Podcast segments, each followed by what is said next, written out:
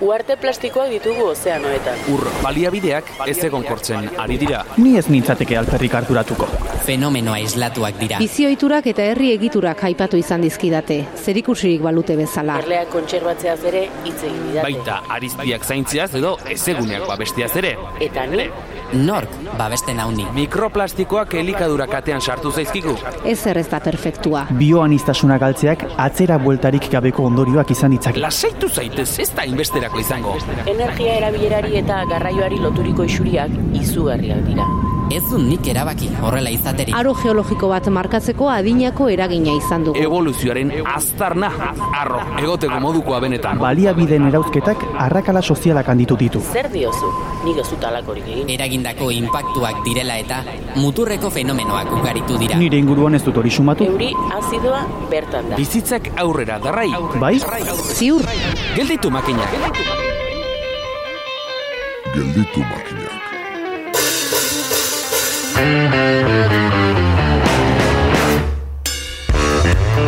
Aurrekoan, oporretan izan ginen Venezian.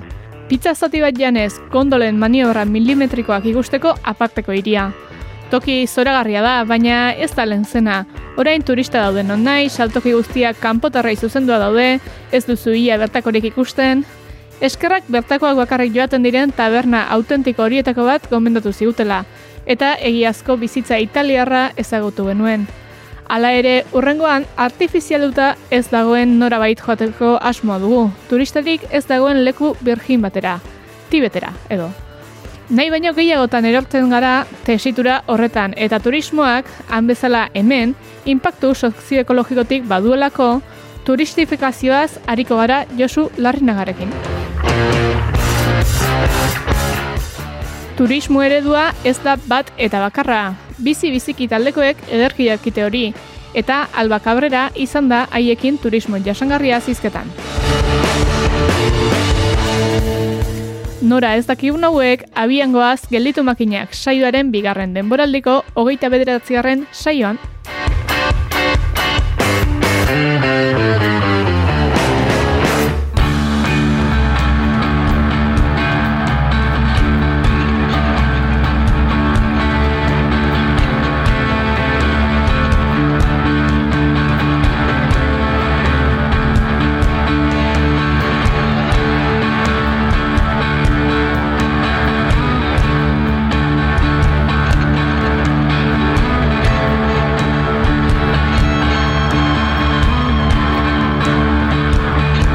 Jendearen ibilia gero eta ugariagoa da.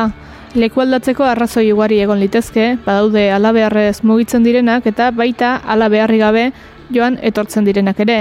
Bigarren multzo honi turismoari helduko diogu eta horretarako parez pare dugu Josu Larrinaga Ekopol ikerketa taldeko kidea. Ongi etorri Josu.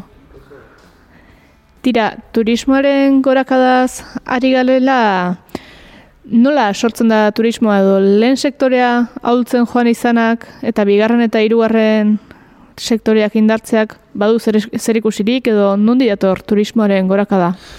Bueno, bai, dana dago relazionatuta, ez da.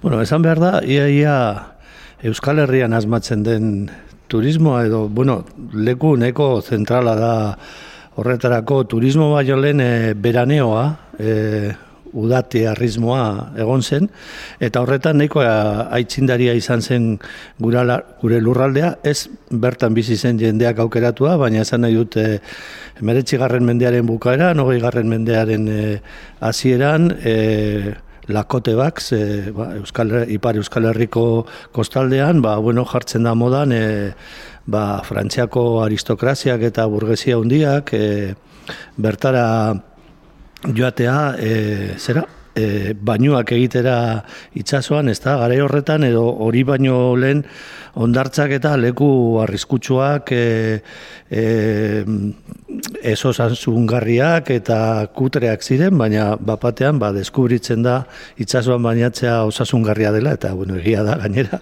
eta bapatean ondartzak bilakatzen dira leku privilegiatuak, ez da? Eta ipare euskal, ego, ego euskal herrian barkatu, ba, antzerako parezido gertatzen dare, Espainiako monarkiare burjuesiarekin eta aristokraziarekin e, eta bar, ez da, ba, lekeitio eta batez donostia eta zestoa, balnearioarekin eta leku asko bilakatzen dira nolabait hori e, uda pasatzeko e, lekuak, ez da? Eta pizkanaka, pizkanaka, e, horrela doa aurrera nolabait e, turismoaren gorakada, hogei garren mendean e, zehar, ba, bueno, bebai, e, fordismoarekin, ez da, ba, batez be estatu batuetan enpresarioek deskubritzen dute merezi duela hobeto pagatzea langilei eta horrela langileek eure produzitzen dituzten e, e, produktuak e, e, erosializateko Fordismoa deitzen da nolabait hori Henry Ford e, kotxe e, zera industrialariak e, deskubritzen duela hori, ba, langilek ere kotxea erosi altzutela eta horrela ere ba, asko kotxe gehiago salduko zuela, ezta? Eta bueno, ba, kotxekin gertatzen dena eta ba, gertatzen da bidaiekin eta turismoarekin. Eta nik esango nuke, jadanik e, larogei garren amarkadatik aurrera, hogei garren mendeko larogei garren, larogei eta margarren amarkadatik aurrera, sekulako buma sortzen dela, sekulako estanda sortzen da e, turismoarekin. Hau da, globalizazioaren parte bada ere turismoaren e, e, zera handi handikuntza hori, ezta? Eh nola baite, ba, bueno, globalizazioaren mezu ideologiko simbolikoan ba oso importantea da, mundua txikia dela, mundua ibiltzea oso erreza dela, baina funtzean horren azpitik gertatzen dena da alde batetik ba, petrolio merkearen aroaren e, nolabai gaiurrean gaudela, aro horretan ez da, eta bebai e, nolabai kapitalismoaren finanziarizazioaren e, hasieran gaude, eta turismoa berez oso oso e, zera e, sektore aproposa da e, finanziarizazio horretarako, ez da, adibidez, azken urteotan e, e, hemen donostian bizi izan dugun hotelen e, e, loraldia, ez da, zenbat hotel eta zenbat e, emango du turismo hainbeste hotel berri egoteko, baina kontua da hotelak eraikitzea badela ere e, e, igi ezinak eraikitzea eta igi ezin horiek daukaten ezaugarri importante bada hotelak baldin badira jadanik bir, birkalifikatuta daude e, helburu arresidenzialetarako. Hau da, hotelak porrot egiten badu, edifizio horretan etxe bizitzak egin daitezke eta nola etxe bizitzak ikusten dira nolabait ba hori ba diru espekulatiboaren azken edo nolabait edo babes siguru baten moduan ezer ez da ba, e, seguru aia, ez da, ikusi dugu, ba, 2000 eta zazpi, 2000 eta sortzi beratzi urte horietan e, lehartu zen e, krisi ekonomikoan, hain zuzen ere, e, burbuia, igi ezinen burbuia izan zen e, nola baita bia puntua ez da, baina ere, nola kapital pilo badago mundutik eta kapital horrek beti bilatzen ditu inbertitzeko tokiak edo nitxoak, ba, hotelena oso interesgarria da zentsu horretatik, ez da. Eta gero, ba, bebai, nola baita eh, lanaren aldetik, hau da, turismoak, e, lan asko sortzen du, baina lan oso prekarioa sortzen du, oso momentuan momentukoa, eta tokian tokikoa bebai, eta orduan horrek ere nolabait e, horrek badaukaria kargarritasuna kapital horientzako. Niri ustez horregatik e, ba hori larogei garren, larogei tamar garren amarkadatik e, aurrera e, bueno, ba, turismoaren estanda bat ematen da mundu osoan zehar eta bueno, horrela gaude momentu honetan e, e, ba, petrolio meharkearen aroa bukatzen ari dela, e, bueno, gauza asko bukatzen ari direla ikusten ari gara ere orain pandemiarekin eta bar, da, baina hor mantentzen dira ondino zombi batzuk edo hori jadanik hilda dauden igitura batzuk eta horri hoien artean e, ba, turismoarena eta turismo sektorearen erakargarrit erakargarritasunarena hor dago. Eta beste alde batetik esan behar da nola baite eh, mezu simbolikoaren arloan edo plano simbolikoaren arloan oso arrakasta hundi euki duela turismoa. Azkenean bueno e, bidaiatzea eta bueno edo nori ba oporrak ailegatzen ditenean jendearen artean oso ohikoa da e, galdetzea edo orain dela gutxi arte e, oso ohikoa zen galdetzea zer eta non egon zarete eta nora joan zara eta eta nola baite esaten bazenuen ba ez etxean gelditu naiz ba nola baite ere gizajo baten moduan agertzen zinen ez da orduan ba bueno guzti horre. Eta turismoak balio lezake ekonomia oinarri gisa, alegia zenbait herri jada e, egiten ari dira turismoaren aldeko apustua, horrek badu oinarri sendorik. Nik esango nuke ez ez alde batetik eh, horregatik eh, ba, sortzen duen lan gehiena prekarioa eta lan eskazak direla, ez da lan postu eskazak eta unean unekoak eta bar eta bar. Baina beste sektore batzuk, zuk lehen esan duzun moduan, nolabait e, ba, erori egin direnean eta batez be gure inguruan lehen sektorearen e, nolabait e, bueno, hori ba, e, berakada gertatu danean, ba, leku askotan nolabait, ba, saldu da, ba, turismoa izan daitekela alternatiba bat, ezta? Eta besterik ez dagoenean, ba, hori, batez be, eremua ruraletan eta hori ez dugu lehen aipatu, baina nolabait berezi, merezi du aipamen berezia e, turismo rurala edo landa eremuetako turismo eta batez be, espazio horietan e, lehenengo sektorearen e, jarduerak ba, minimizatu direnean, ba, nolabait ere instituzioen aldetik eta asko inbertitu da eta asko bultzatu da e, turismoaren e, zera hori ezta. Baina ikusten dugu ba, ba, horrek ere ematen duela ematen duena eta eta batez be hori prekarizazioa eta baina bestalde batetik finantziarizazio handia eskatzen du horrek, ez da adibidez, ba baserriak eta konpontzen eta e, bueno, hor nolabait e, joko bikotxa bat egoten da, jendeak pentsatzen du ere, bueno, konpontzen badut baserria eta gelak eskaintzen baditut, ba behintzat nire etxe bizitza oberatu dut, e, inoiz e, gorriak pasatzen baditut beti zaldezakete baserria eta bueno, hor nolabait e, asmo honen eta eta gerorako e, inbertsioen e, zera zabaltzen da eta zentsu horretan ba, ba alternatiba edo nolabait e, aurrera iez egiteko modu bat bai da turismoa ez da. E, aipatu behar da ere gure kasuan e, batez be e, Bilbo aldean, e, laro eta garren amarkadatik aurrera e, jadanik e, Bilbo industrialaren e, aroa bukatzen danean, ba, nola ere erantzun instituzionala dala e, ba, turismoa bultzatzea, eta nik ez dakite benetan e, e, jokaldia ona atera izan, izan zelako, edo simpleki garai horretan turismoaren estanda ematen delako, ba egia da, e, maila simbolikoan eta jendearen e, e, umorearen e, arloan ba, nolabait e, ba, Bilboko turistifikazioa adibidez laguntzen duela alternatiba daudela ikusteko ilusio horretan ez da, baina funtzean e, betikoa daukagu lantxungoak, e, unean unekoak, eta beti ere ba, ordutegi eskazekin eta soldata ere oso oso urriekin, baina nolabait hori ere bilakatzen da e, irten bidea sektore askorentzako, ez da? Eta gure kasuan ere azpimarratu behar da nolabait e, turismoa oso lotuta dagola, igual ez dugu munta berdina leku guztietan, baina gure kasuan turismoa eta ostalaritza oso oso oso lotuta daude eta ostalaritza ere bada sektore bat e, lanpostu txungo asko sortzen duena eta orduan bueno ba horre hori nolabait horiek e, berrelikatzen dira ezta. Lan arloa aipatu duzu baina oroar turismoak ze zer nolako harremanak eta inpaktuak sortzen ditu? Bueno, hainbat zerrendatuko dizkizut, baina adibidez herriekin edo herritarrekin. E, irakurri dut Lapurliko populazioaren euneko iruro gehiago okerrezpanago, kostan bizi dela adibidez, turismoa zabalena dagoen lekuan.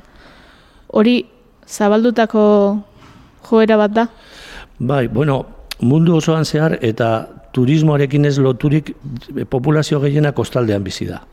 E, eta hori arrazoi askoren gatik da, ez da? Bueno, e, e, temperatur, temperaturak ere lehuntzen ditu edo zera e, epeltzen ditu e, itsasoak eta nolabait ere bueno ba aukera asko dago ere arrantza ba, le, e, zera mundu osoan zehar esan bezala populazioa e, e, metatzen da kostaldetan, ez da? Baina horregatik ere kostal, kosta ekosistemak eta askotan oso, oso leku delikatuak dira eta e, ba, hori, turismoa bezalako e, jarduera inposatu bat e, bertan jartzen danean problema asko sortzen ditu, ez da, adibidez leku askotan e, tropikoetan eta e, kostaldean normalmente bada ekosistema bat manglar deitzen dena, ez da, hau da, padurak dira, e, itxasoa sartzen da alako ba, oianak edo vegetazio handia dituen e, espazioetan, eta espazio horiek e, askotan ba, hori dira. Ez itxaso, ez, e, ez lehorra, horre erdi, erdibideko zea bada, ez da, baina horrek ere laguntzen du, dauden e, zera, ba, galerna handiak eta tsunamiak inkluso ba, geldiarazten eta eta moteltzen, ezta?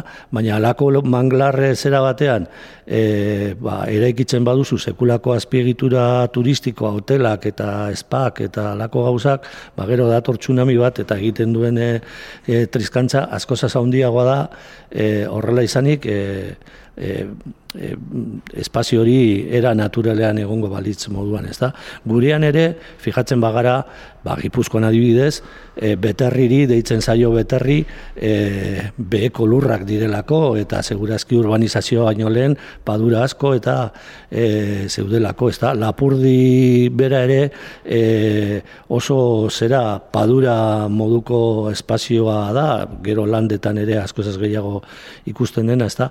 Orduan, e, exodo ruralarekin eta espazioiek ba, urbanizatu egin dira, lehen industrializatu egin ziren, eta orain turist, justifikatu e, egin dira e, batez be hori espazio naturaletan eta sekulako aldaketak eragiten eta sekulako bueno, gero horren atzetik badatoz e, datozen arazoak orain gainera aldaketa klimatikoarekin eta itsasoaren e, maila igotzarekin ba, biderkatuko biderkatzen ari direnak eta are gehiago biderkatuko ditenak Espazio naturala aipatu duzu hain zuzen ere, zer nolako inpaktuak izaten dira bertan, paisaian, naturan? Ba, normalean, naiz eta paisaia eta natura e, elementu e, erakargarriak izan e, turismoaren dako, ez da, e, gero funtzean e, kontrakoa gertatzen da, ez da. E, hau da, bueno, dano, e, dano gara turista inoiz, ez da, eta ba, bakarri pentsatu behar dugu zer bilatzen dugu guk eh, beste leku batetara jaten garenean. Eta askotan bilatzen ditugu espazio edo eremu guretzat ere nola ezagunak direnak. Horregatik eh, e, hau da, mugitzen jakiten ditugun espazioak, ez da? Eta horrek ekartzen du, ba, espazio horiek e, mundu osoan zehar homogeneizatu egiten direla, berdindu egiten direla, eta, bueno, ba, atzen naiz ni lagun batek orain dela urte asko esaten zuela, ba, ni horti bidaiatzen naizenean e, pobre moduan, ba, zera, ba, jateko zer bilatzen du lehenengoa, ba, McDonald's bat, gero pensatuko dut bertako gastronomia ez dakiz, baina lehenengoa gozen izenean eta diru gutxi daukadanean, ba, horrela agertu dira mundu osotik zehar e, Marko Ge, e, antropologo frantxarrak ezlekuak e, izendatu zituen e, espazio horiek ez da, e, berdinak direnak e, leku guztietan, e, supermerkat eta hipermerkatuak, e, zentro komerzialak, aireportuak, eta askotan ere, ba, hori ikusten dugu, e, gure alde zarretako adibidez e, parte zarretako e, ostalaritzan eta ba nola bait e, alako estilo nazioarteko bat e, bultzatu egiten dela eta ba, ba, berdinak direla bai hemen, bai Istanbulen, bai New Yorken, bai e, Santiago, ez da, e, espazio antzekoa dira, eta orduan ba, horrek eskatzen du asko ere ikitzea, asko aldatzea, e, bertako espazio eraikia be bai, nolabait birmoldatu egin behar da turismoaren zerbitzura, turisten zerbitzura ipintzeko turistak e, nolabait eroso eta lasai egon daitezen. Hain zuzen ere, turismoak eta turismoak baldu gatazkarik bertako bueno, elementuen ondarean eta divulgazioan aipatu ezun bezala ez leku asko sortzen dira eta oroar geografia eta historia propiorik gabeko espazio postmodernoak bihurtzen ditu sistemak, hor badago gatazka bat e, bertako ondarearekin? Bai, askotan ere, bertako ondare batzuk nolabait birbalora izatu egiten dira e, turistak e, erakartzeko, ez da? Eta horrek ere nolabait eukidu bere alde ona nolabait, ba, igual historia lokal asko eta espazio tokian tokiko espazio edo elemento batzuk e, e, ba, birbalorizatu egin dira, ezta? E, baina gero ere ikusten dugu nolabait espazio asko e, e, espazio askori kontrakoa gertatzen zaio, banalizatu egiten dira eta desvalorizatu egiten dira hain zuzen ere turisten e, inbazioagatik, ez da gure kostaldean e, e, gaztelugatze bizkaian, e, zumaiako e, zera e, baseliza famatua horre zera labarretan dagoena, alako espazioak ba, hori, bat ez be, ba, telebistetan edo pelikuletan eta nolabait e, e, erakargarritasun turistikoa irabazitu dutenak gero erabat banalizatu eta zabartu egin dira e, turisten e, inbazioagatik. Eta azkenean ba, ez dira baliogarriak ez bertako jendearentzat ez turismoa nola baite benetan zeo zer deskubritu nuen, nahi duen e, e, turisten txat, ez da, bakarrik bilakatzen dira bala, baliagarria, selfia e, pare bat ordutan edo goiz batean e, gaztelugatze eta beste e, arratzalde batean zumaia eta e, gabean ez daki zer, ba, eta selfia egin bertan, ez da, bueno, ba, hori, hori gertatzen da paisaia eta espazio natural askorekin. Espazio natural askorekin hori gertatzen da, bai, ez da dibidez, espazio natural bat interesgarria delako, balio naturali onak dituelako bilakatzen da parke naturala, baina horrek ere ekartzen du e, presio turistiko bat askotan e, espazioiek e, zabartu eta ondatu egiten dituena. Beraz, posible da turismo jasangarria? Dana da posible edo, da nahi dut, jasangarritasunarekin hori da beti diskurso ez da, posible da turismo jasangarria, posible da nekazaritza jasangarria, posible da industria jasangarria, dana da posible, baina gero askotan ikusten dugu e, gradu, gradu kontu bat dela, eta turismoa jasangarria masifikatu egiten bada, ba, ba ez da jadanik hain jasangarria. Eta askotan ere instituzioetatik eta nolabait turismo bultzatu e, nahi dutenen aldetik ba, joku bikoitz bat egiten da. Ez da adibidez hemen donostian e, turismoaren ariburuzko instituzioen e, e, zera, diskurso ofiziala oso kuriosoa da, beti esaten hemen kalitatezko turismoa nahi dugu, hemen e, e, nahi dugu hori ba, e, botere adkizitibo handiko e, jendea eta bai egia da segurazki egiten duten turismo politika horretara begira dago eta bueno hor ere badago eztabaida bat ez da hori ia espazio gure espazioa jarri behar diren e, munduko aberatzen zerbitzura. Baina gero ere e, e, horrek ekartzen du e, kontrakoa ez da osea hemengo e, periodiko nagusian orain dela urte batzuk sekulako izkanbila sortzen badute Bruce Springsteenek eh, agian etxe bat erosi nahi duelako Donostian. ba, Bruce Springsteenek etxea erosten duen ala ez hori gora bera, eh, horrek suposatzen duena da nolabait e, etxeen e, etzen presioen e, zera e, garestitze, are garestitze jo bat, ez da, eta e, turismo kalitatezkoa eta balio podere adkizitibo handiko turismoa bultzatzen danean ere, e, ezaio musin egiten e, e, zeratik e, peninsulako edo zin puntotik e, itxasoa agian lehenengo aldiz ikustera datozen e, jubilatuen autobusen e, ol, oldarraldiari, ez da, hoiek ere ongietorria dira, eta noski hoiek ere da, daukat eskubidea, ez da, e, horretarako, baina esan nahi dut, azkenean bultzatzen da, erabateko turismoa, erabateko jendea, eta erabateko praktikak e, erakarri nahi dira. Orduan jasangarritasuna askotan benetazko jasangarritasuna e, muga jartzea eskatzen du. Eta murristea eta kopuruak e, jartzea. Eta hori oso zaila da. Eta oso zaila da nolabait turismoa bultzatu nahi duen e, politiketatik abiatuta. Jasangarritasunaren bidetik eta bueno, oroar turismoa ez dago bereziki ongi ikusia, baina zergatik deabrotu turismo eta ez bestelako sektore batzuk. Adibidez, e, metalgintzan ere ez da printzipioz ondarerik sortzen eta ekoitzitakoa dirutruke gehiena atzerrira saltzen da. Horrek baditu antzeko tasun batzuk turismoarekin eta aldi berean turismoa da erabat gaizki ikusita dagoena. Bai, hombre, nire ustez e, gaizki ikusita dago e, orain arte ez dugu aipatu gai bat, zu bai jarri duzu gidoian, baina gero saltatu dugu nik larregitz egiten dudalako segurazki, heli baina. Eldo, eldo. E, da, e, Hau da, turismoa dagoenean horrek zen du ere populazio turistiko badagola eta populazio horrek e, nolabait kontakto eta askotan talka egiten duela bertako populazioarekin, ez da, bertako populazioa batxutan eta leku batxuetan oso nabarmena da e, ba, parte zarretan, esan dugun moduan, ez da donostiako parte zarrean e, bizi den jendea inbadituta sentitzen da, ematen du espazio hori e, bakarrik turistentzako izan behar dela, e, turista zarenean ez daukazula ordutegi berdina, e, parrandan egin nahi duzu, eta bueno, iruñan gertatu dena, azken urteotan de, salatu dutena, ez da, e, e, iruñeko alde zarraren e, tematizazioa, hau da, azte bururo San Ferminak izan behar direla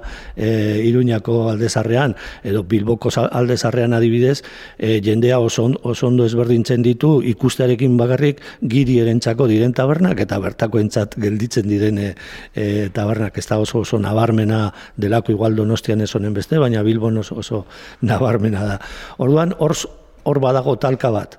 E, alako espaziotan ondino bizi nahi duen jendea eta bizi modu bat daukana eta askotan e, turismoarekin lotuta ez dagoen lan bat e, daukana eta e, hori ba, llegatzen den mm, e, populazio edo turismo horrekin ba, bueno, ba, bere zera doana eta parranda egitera eta hainbat eh, gauzetara. Ezta? Egia da ere, askotan gatazkak sortzen direla bertako populazioen sektoren artean, gero eta jende gehiago ere turismoaren e, kontura bizi edo ala moduz bizi delako. Ezta?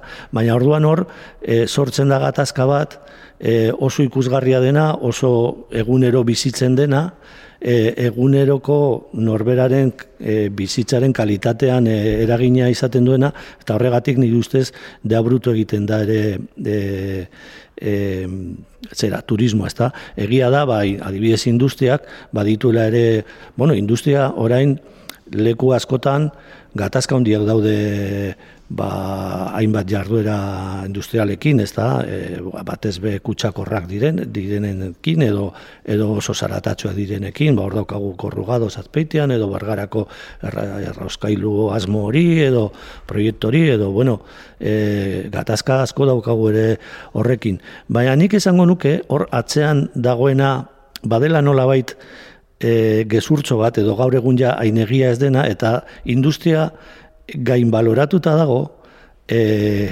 tradizionalki industriak lanpostu onak sortu dituelako e, finkoak, nolabait, ondo ordainduak, eta eta bueno, ba, ordutegi finkoekin be bai eta bar eta bar, ezta? Hain zuzen ere turismoak eskaintzen ez duen guztia.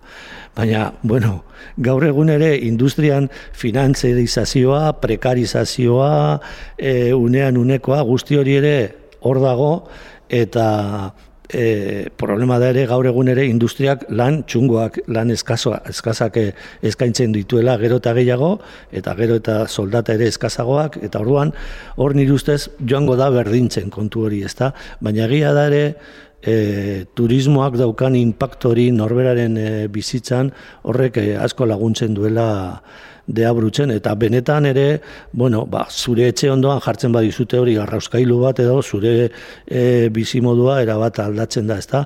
Baina erraizkailua oso konkretoa da eta leku zehaz batean e, kokatzen da. Eta turismoa berriz oso ubikoa da, barreiatzen da.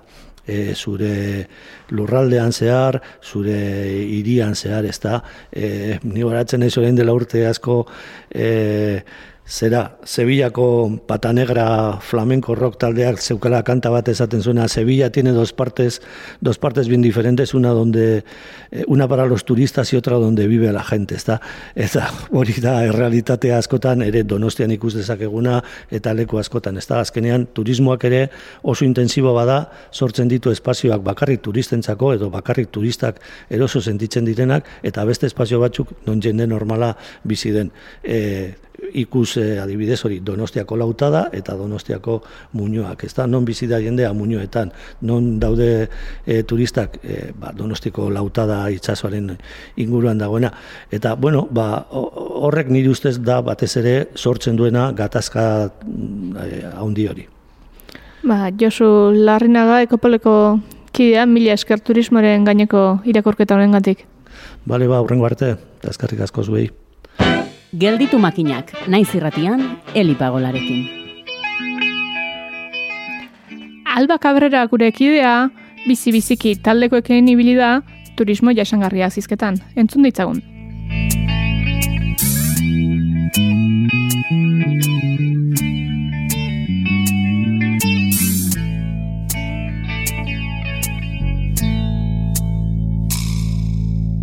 bidaia bat egingo dugu gaurkoan, baino ez oso urrutira.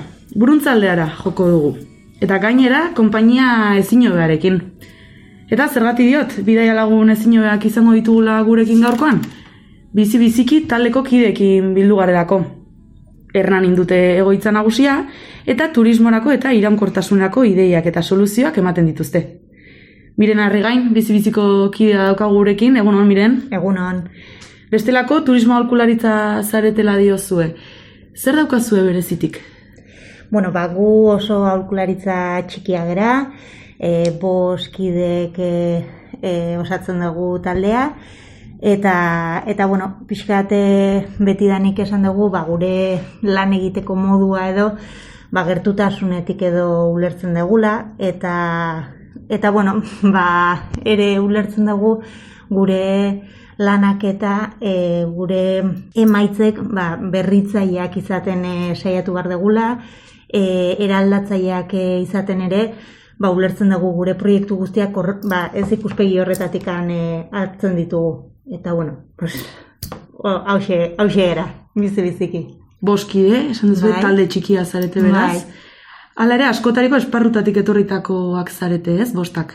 Bai, pixkat, e, pixkat multidisciplinarrak edo garela esaten dugu, eta egia da ba, gure ba, nik azetaria naiz, beste, beste lankide bat ba, antropologoa, turismo iraunkurrean aditua, beste bat e, mendi gidaria, irakaslea, e, enpresaritza, Orda, bueno, ba, bakoitzak gure, ez, gure bizipenetik edo gure e, jakintzutetik, bai, hortik abiatuta, ba, ba, ba, ekarpenak egiten ditugu eta eta ulertzen dugu ba hori guztia e, aberasgarria dela ez gure lanean. Eta naiz eta nork bere esparrutik jardun edo abia puntu ezberdina izan, guztiek daukazu xede bera edo aldarrikapen bera, ez? Turismo iraunkorra. Baina zertaz zari gara turismo iraunkorra zitze egiten dugunean? Bai, bueno, egia da gu e, bizi-biziki bezala ba, turismo e, iraunkorraren esparruan edo lan egiten duguna, baina gustatzen da zaigu esatea ere bai, pixkat e, modu zabaleagoan edo e, tokiko garapeneko e, aulkularitza bat gerela, ez? Osa, pixkate turismo lertzen dugu tokiko garapenaren e, palanka bat edo bezala. Eta, bueno, ba, zer da turismo iraunkorra, ba, bueno, pues, e, egia da definizio mm, bat ematea bazaia dela. Ulertzen dugu ba, bueno, pues, e, bai daudela ardatz edo ez, hiru ardatz nagusi, ez, iraunkortasuna ulertzeko ba, ekonomikoki, sozialki eta eta ingurumena babesteko, bueno, pues, iraunkortasuna aldarrikatu behar dela, baina hortik aratagu badaude beste beste ikuspuntu batzuk edo tokian tokiko errealitateak edo markatzen duten beharrak, e, realitateak, ba, hor zerre, zerre esan, ze soluzio eman edo ze, zerantzun eman, ba, definizioa ba, definizio aldatu daitekela eta eta eta bakoitzean ba, ba gauza bat edo e, ulertu dezakegula. Orduan, bueno, zaila da ematea e, definizio bakar bat. Asko bai. daude beraz. Bai, Tokian bai. toki aldatu bai, da. Hori da. Turismo iraunkorra gauzatzeko bide horretan, erronka adina konponbide dituzuela o lantzen saiatzen zaretela diozue. Zerrekin egingo du topo zuongana etortzen denak?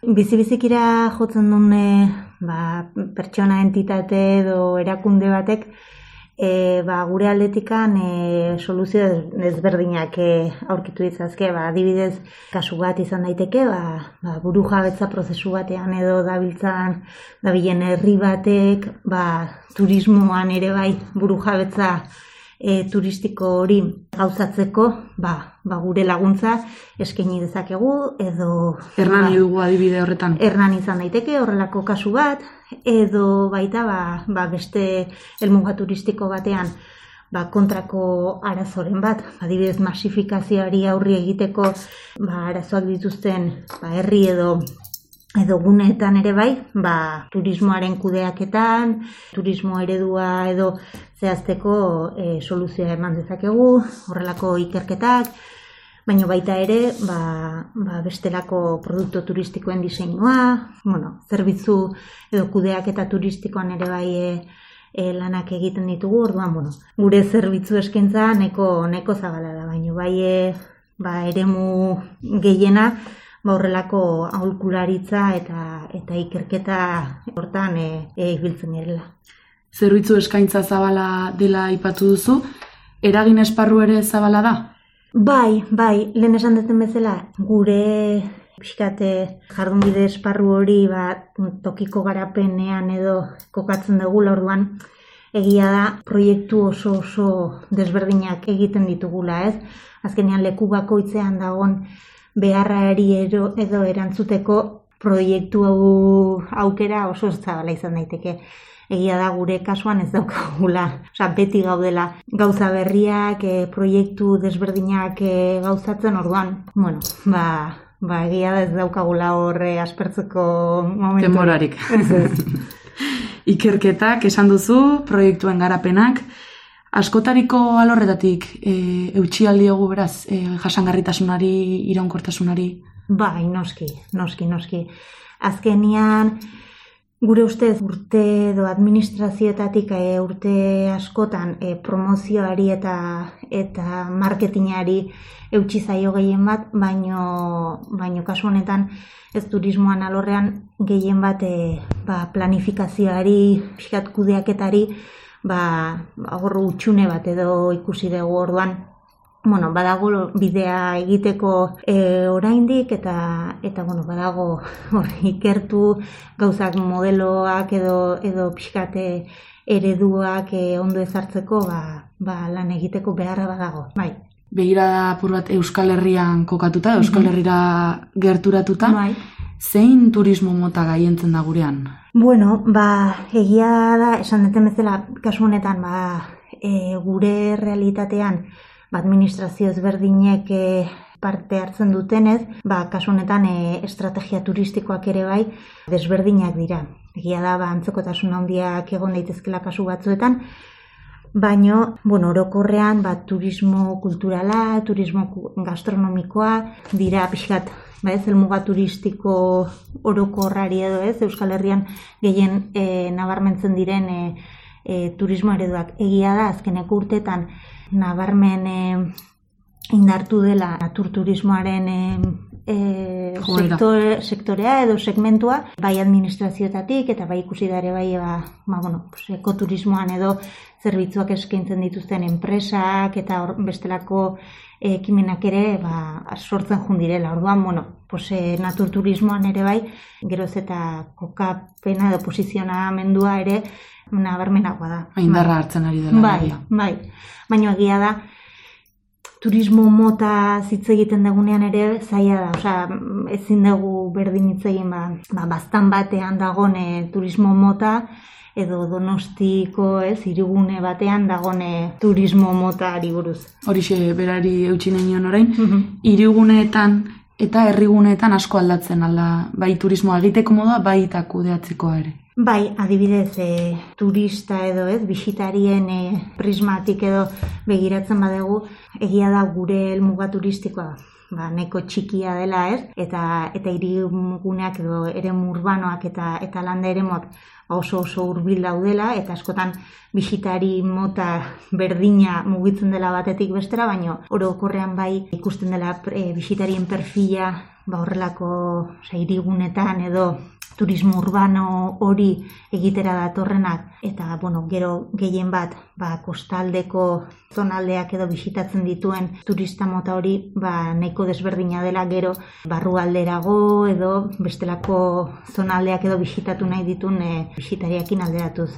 Egia da azkeneko urtetan badagoela joera hori eta eta barrualdeko beste eremuak ba asko bai bisitatuagoak eh, daudela zer esanik ez covidak eragindako egoerak ere bai ba pixkat ez kontzentrazio handia bai kontzentrazio handiko eremuetatik kanpora joateko ba naia edo eraki utzi dula orduan bueno ba ba hor bai egon daitezkela turista lehen oso ere urbanoetan edo ibiltzen ziren turista horiek, ba, orain pixkat barru alderago dolanda ere mutan, ba, urkitu ditzakegu bai. Tokikoa ezagutzeko ere aukera bermatu du pandemiak behar bada mugak itxita egon direnean? Bai, egia da azkeneko ba, bi urtetan gehien bat eukidegun turismo mota edo gehien bat e, bertakoa e, oso gertukoa izan dela, e, nazionala, baino, bueno, horrek ere, ba, bueno, bere, bere onurak ditu, eta, bueno, betidanik e, uste e, Euskal Herrian ere e, oso bueno, e, bisitari fidelak daudela, oza, behin eta berriz e, bisitatzen gaituzten turistak daudela, baina bai, egia da azkeneko, azkeneko urtetan, ba, bai izan dela joera ba, gertuko elmuga turistikoetara jotzea, ez? Zeri erreparatu behar dio bidaiari batek turismo iraunkorra egin dezan? Agian erreixa izan daiteke desberdintzen mali madegu e, eh, ba, bidaiaren fase guztiak, ez? Ba, bidaiatu baino lehen zer egiten dezun, bidaia bitartean eta ondoren, ez? Ba, azkenean gu ere turista bezala, ez? Ba, ba, gure bidaia e, prestatzen gauden momentuan, ba, zer erreparatu behar diogu, ba, ba, nola bidaiatuko dugun, ez? E, garraio bide aukeratuko dugun, zein elmuga turistikora guazen, eta zeintzuk diren bertako ezaugarri propioak, ez? Kultura, bertako hizkuntza, e, bertako iturak, olako gauzak, ez? Piskat aurretik e, jakin ze nora eta zertara guazen. Gero bidaian ez? Bitarte hortan, ja lurraldean zaudenean, ba berdin, ez? Ba, ze nola komunikatzen nahi, ze bertakoekin, ze motatako elkartu, bai, hartu emanak edo egiten ditudan bertako baliabideekin zer nolako jarrera daukaten, ez? Zakit, ba, bi orduko e, dutxa bat hartzea, ez? Ba, ba agian, e, ba, ba, ez da, ez da, oso eh, jasangarria. ez, ez da bat ere, bat ere jasangarria, ez? Eta gero, bidaia ondoren ere bai, bueno, eta bitartean ere bai, bazer nolako enpresekin edo ze, ze kontratazio egiten deten, ze, bueno, ze lekutara joaten ezen eh, bazkaltzera, bueno, horrelako, horrelako gauzak. Eta ondoren ere bai, ba, bueno, beti ere, gure esperientzia edo beste ingurukoei e, transmititzeko edo gaur egun ba sare sozialetan egiten dugunez, ba, gure esperientziaren kontaketa hori ere bai, ba, bueno, kontutan eukitzea, ba, nola ire egiten dugun, zer transmititzen dugun eta bueno, hori izan daiteke pixkat e... Guztia bizpairu aldiz pentsatu bai. beharra dago. Bai, bai, bueno, ez da ere, oza, ez erotu gabe, baino, baino, bueno, poliki poliki, ba, gutxienez konstiente izatea, ez? Eta, eta gure jokaera, oza, etxean, e, ba ez, konstiente geren bezala, edo gutxienez saiatzen geren bezala, ba, ba kanpoan ere bai, ba hori aplikatzea bai. Joera aldaukagu, kanpora joaten garenean etxean baino ardura gabeak izateko? Bai, nik uste bai, ez? Askotan, ez, pues, e, oporretan gaudenean, baita ere, oza, etxean baino oporretan gaudenean, ez, ba, pues, relajatuagoak gaude, edo, ba, hori, lehen esan dutena, ba, auki dezakegu hotel batera jun, eta, eta, bueno, pues, ba, dutxa luzelgu bat e, hartuko dut, etxean agian ez nukena hartuko, edo, edo agian e, ba, ondakinen kudeaketan ere bai, ba, pixkat, aztutago edo ibili gaitezke, orduan, bueno, bai egon daitekela hor relajazio edo, bueno, ez dakit nola, nola esan baino, bai. Diskonexio bat. Bai, bai. Neurri batean ez denek, noski baino, orokorrean, bai, esan daiteke. Hortaz, zer esan nahi du zuretzat arduratxoa izatea turismoa zari garenean? Bueno, ba, pixkate aurretik eh, aipatu deten hori ez, ba, gure bidaiatzeko modu ez e, gu bi- bidaiari bezala daukagun jarrere eta ze izatea, berta edo bisitatzen dugun e, lurraldean gure gure bidaiak edo gure esperientziak uzten duen Arrasto. horra arrasto hori ba, aliketa txikiena izatea edo gutxienez onuragarria izatea, orokorrean e, hori da.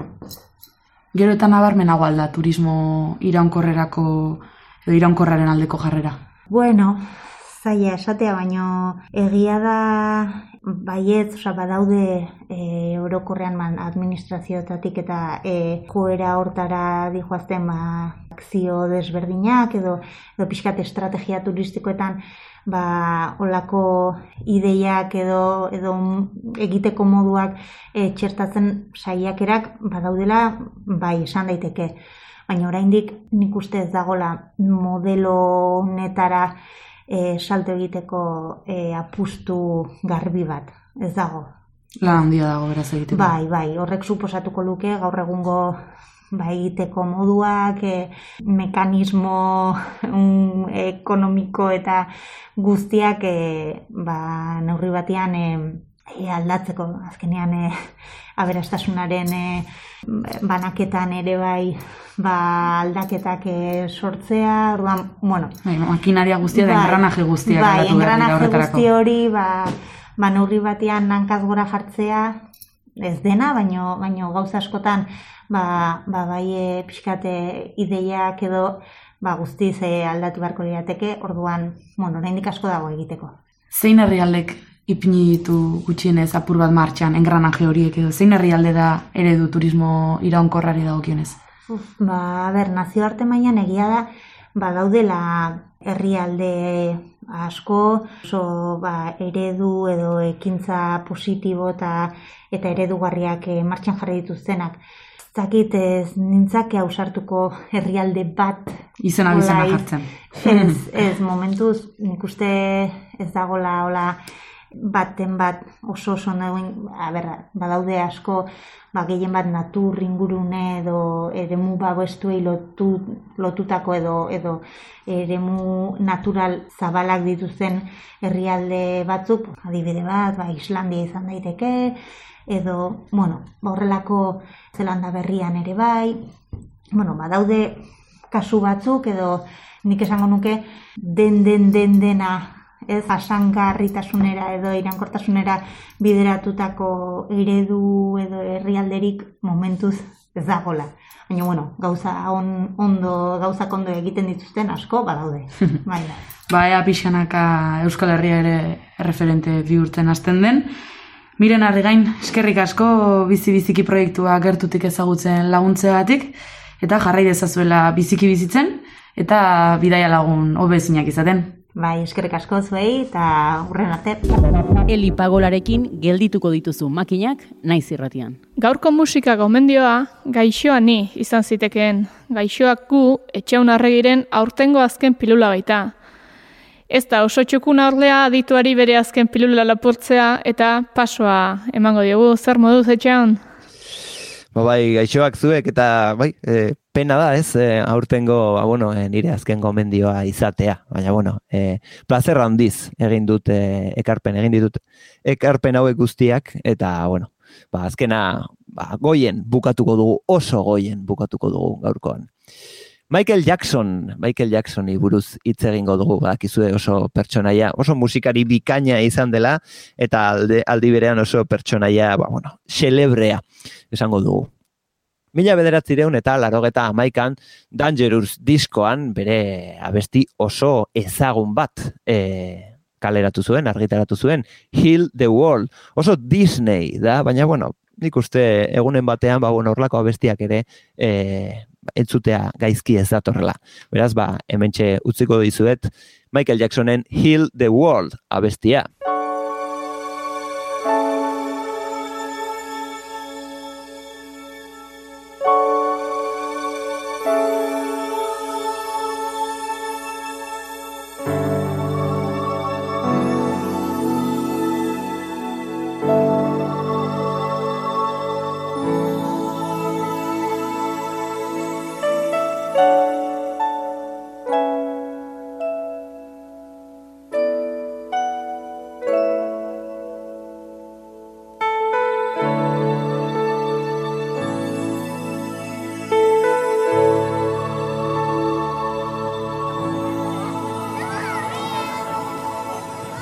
About um, the generations and to say we want to make it a better place for our children and our children's children so that they they they they know it's a better world for them and think if they can make it a better place.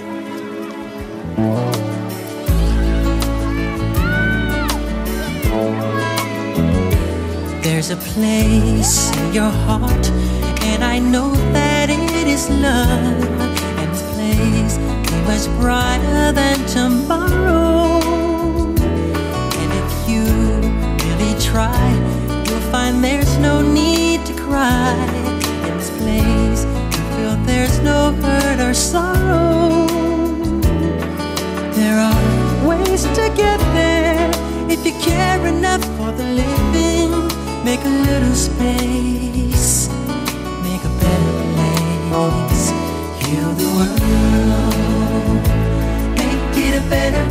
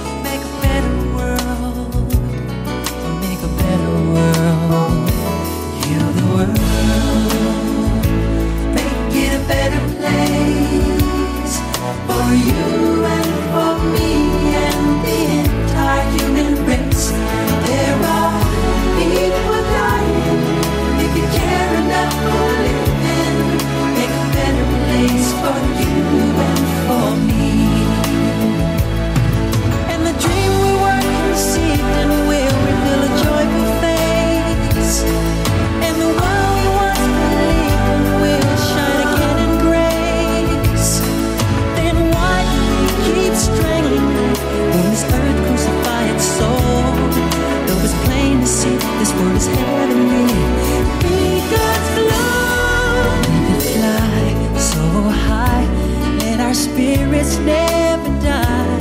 In my heart, I feel you are all my brothers. Create a world with no fear. Together we'll cry happy tears. See the nations turn their swords into plowshares. We could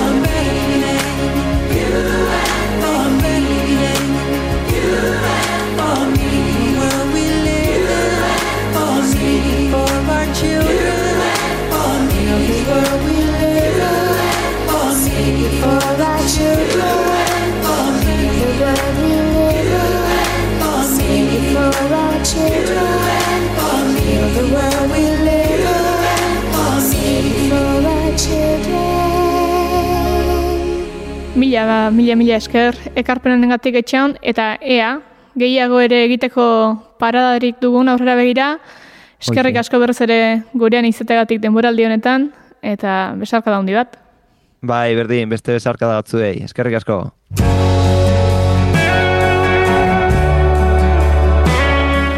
Hai entzule, badakizu garaitxu honetan zer tokatzen den, ezta?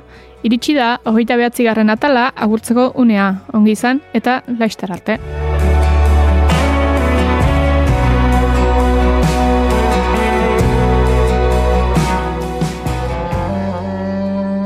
espíritu